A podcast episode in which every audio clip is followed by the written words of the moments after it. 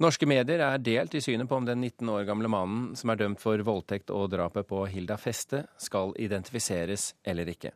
I ettermiddag ble det klart at, han, eh, at eh, om dommen ikke ankes. Eh, han er dømt til 19 års fengsel for drapet på den 98 år gamle kvinnen i januar, mens Dagbladet, VG og Nettavisen har valgt å offentliggjøre mannens navn, lar Aftenposten, Bergens Tidende og NRK være.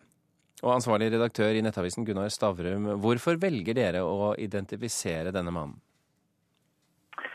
Vi har faktisk valgt en, en mellomløsning i dag. Vi valgte først å ikke identifisere han. Um, grunnen til det er at uh, han er en ung lovbryter som, uh, som, synes, som blir fengslet lenge. Uh, og det, det, kanskje ikke var så viktig å identifisere han. Men så så vi at han i praksis ble identifisert i veldig mange andre store medier, og da var det litt spillfekteri etter min vurdering å la være å identifisere han hos oss. Han var allerede bredt identifisert. Når du sier veldig mange andre, så var det vel på tidspunktet du eh, publiserte, så var det vel BA og, og Dagbladet?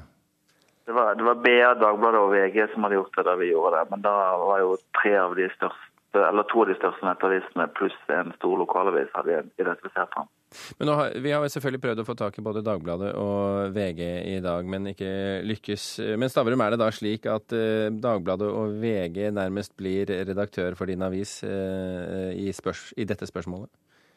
Nei, fordi at eh, når det gjelder identifisering, så er det alltid flere hensyn som må veies mot hverandre. Eh, det er ingenting i veien for å identifisere en person som blir dømt for en så alvorlig eh, forbrytelse som, eh, som denne saken. Men det skal også tjene noen hensikter, både å identifisere og å la være å identifisere.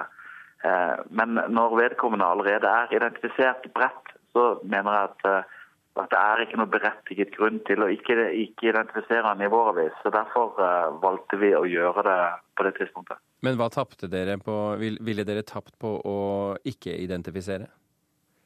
Altså, hovedoppdragsgiveren på en nettavis er jo leserne. Og eh, det er en, det er en informasjonsbrikke hvem denne gjerningsmannen var. sånn at uh, det skal tjene en hensikt å la være å identifisere. Og den hensikten fant jeg ikke at det var til stede lenger når han var bredt identifisert i andre nettaviser. Redaktør for nrk.no, Frank Gander. NRK er jo blant de som har valgt å ikke identifisere denne mannen. Eh, hvorfor har du valgt å ta den avgjørelsen? NRK er jo generelt eh, varsomme med å identifisere i kriminalsaker. Eh, og i denne saken så, så er domfelte relativt ung.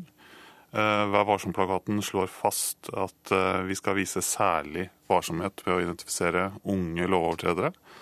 Eh, det ble på en måte tungen på, på vektskålen for oss i denne situasjonen, kombinert med en del andre, andre hensyn. Hensyn til pårørende, til gjerningsmannen bl.a. Men jeg har Identifisering er alltid vanskelige avveininger. Så jeg har eh, stor forståelse eh, for at andre medier har kommet til en, en annen konklusjon. Det er ikke noen Men nå sier jo Stavrum, sier jo Stavrum at uh, VG og Dagbladet og uh, Bergensavisa uh, hadde allerede identifisert han, så da kunne de gjøre det også. Hvorfor går ikke du på det samme argumentet? Fordi eh, I NRK så mener jeg at vi har en, en selvstendig eh, utøvelse av, eh, av redaktøroppdraget. Og vi er nødt til å, å, å ta eh, det på, på, alvor og ta våre selvstendige avgjørelser. Uten å skjele for mye til hva konkurrenter måtte gjøre eller ikke gjøre.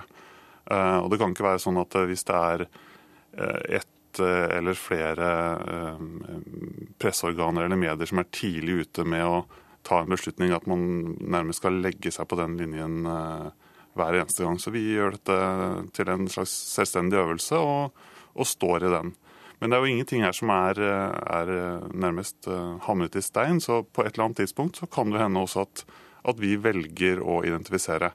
Om det er etter en eventuelt anke og en rettskraftig dom, eller om det er helt andre uh, stadier av denne saken hvor vi velger å gjøre det, det, det vet vi ikke. Men Men det kan hende at vi endrer oppfatning. Det er også en del av presseetikken.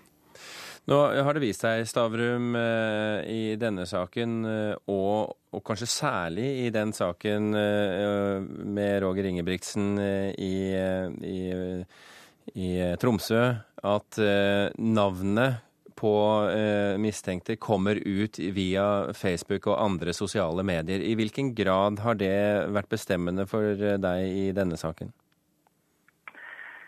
I uh, denne saken, denne drapssaken, så spilte ikke det så stor rolle. Uh, jeg er enig med Frank Ander i at uh, man har et selvstendig redaktøransvar. Og det var ikke uttalende for meg at konkurrentene valgte noe annet, men det var ut i denne konkrete saken så var det, så var det som tippet vektskålen på meg, var at navnet var allment kjent, og at det dermed ikke var like viktig å ikke identifisere. Når det gjelder saken fra Tromsø, så, så er det andre prinsipper som måtte veies. Uh, dels var det hensynet til henne som et uh, mulig offer i en, i en sexsak, men på den andre siden så var det også det faktum at hun var Eh, en, eh, en, kjent politiker som også sto på valg til eh, og deltok i en nominasjonsstrid. sånn at jeg mente at der var det vanskelig å opplyse saken uten å fortelle så mye om hvem det var, at man i praksis,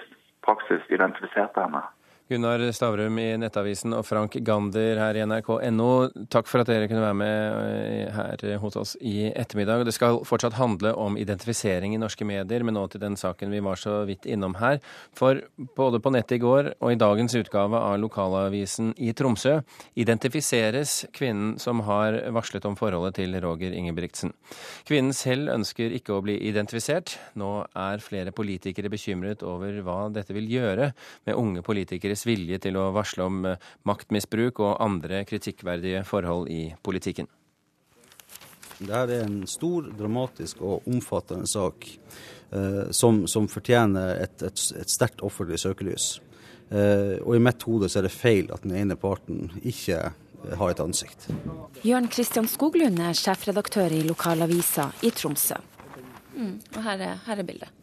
Her er bildet, ja. I dagens avis så identifiserer han kvinner som fortalte om forholdet til Roger Ingebrigtsen, med navn og fargebilde. Um, det som er viktig for oss, uh, og som var avgjørende i forhold til publiseringsvalget, uh, er for det første at dette er en sentral politiker. Um, det andre er at uansett hvilket utgangspunkt man velger, uh, så er det vanskelig å se for seg at denne saken ikke har et, et snev av maktspill i seg fordi at den har så store konsekvenser. Den kommer eh, til overflata to dager før eh, nominasjonsmøtet i Troms Ap, eh, og har åpenbart dramatiske konsekvenser for, for alle de impliserte partene. Fra fylkeshuset i Tromsø har fylkesrådsleder Pia Svensgaard fra Arbeiderpartiet støtta kvinner som varsla. Svensgaard mener media burde ta hensyn til at kvinner sjøl ikke vil identifiseres. Det mener jeg absolutt. Og eh, med den heksejakta som eh, denne jenta har vært utsatt for, så ser jeg jo for meg at det blir veldig vanskelig, både for jenter og gutter i, i ettertid og i fremtid nå, å eh, varsle om noe som helst.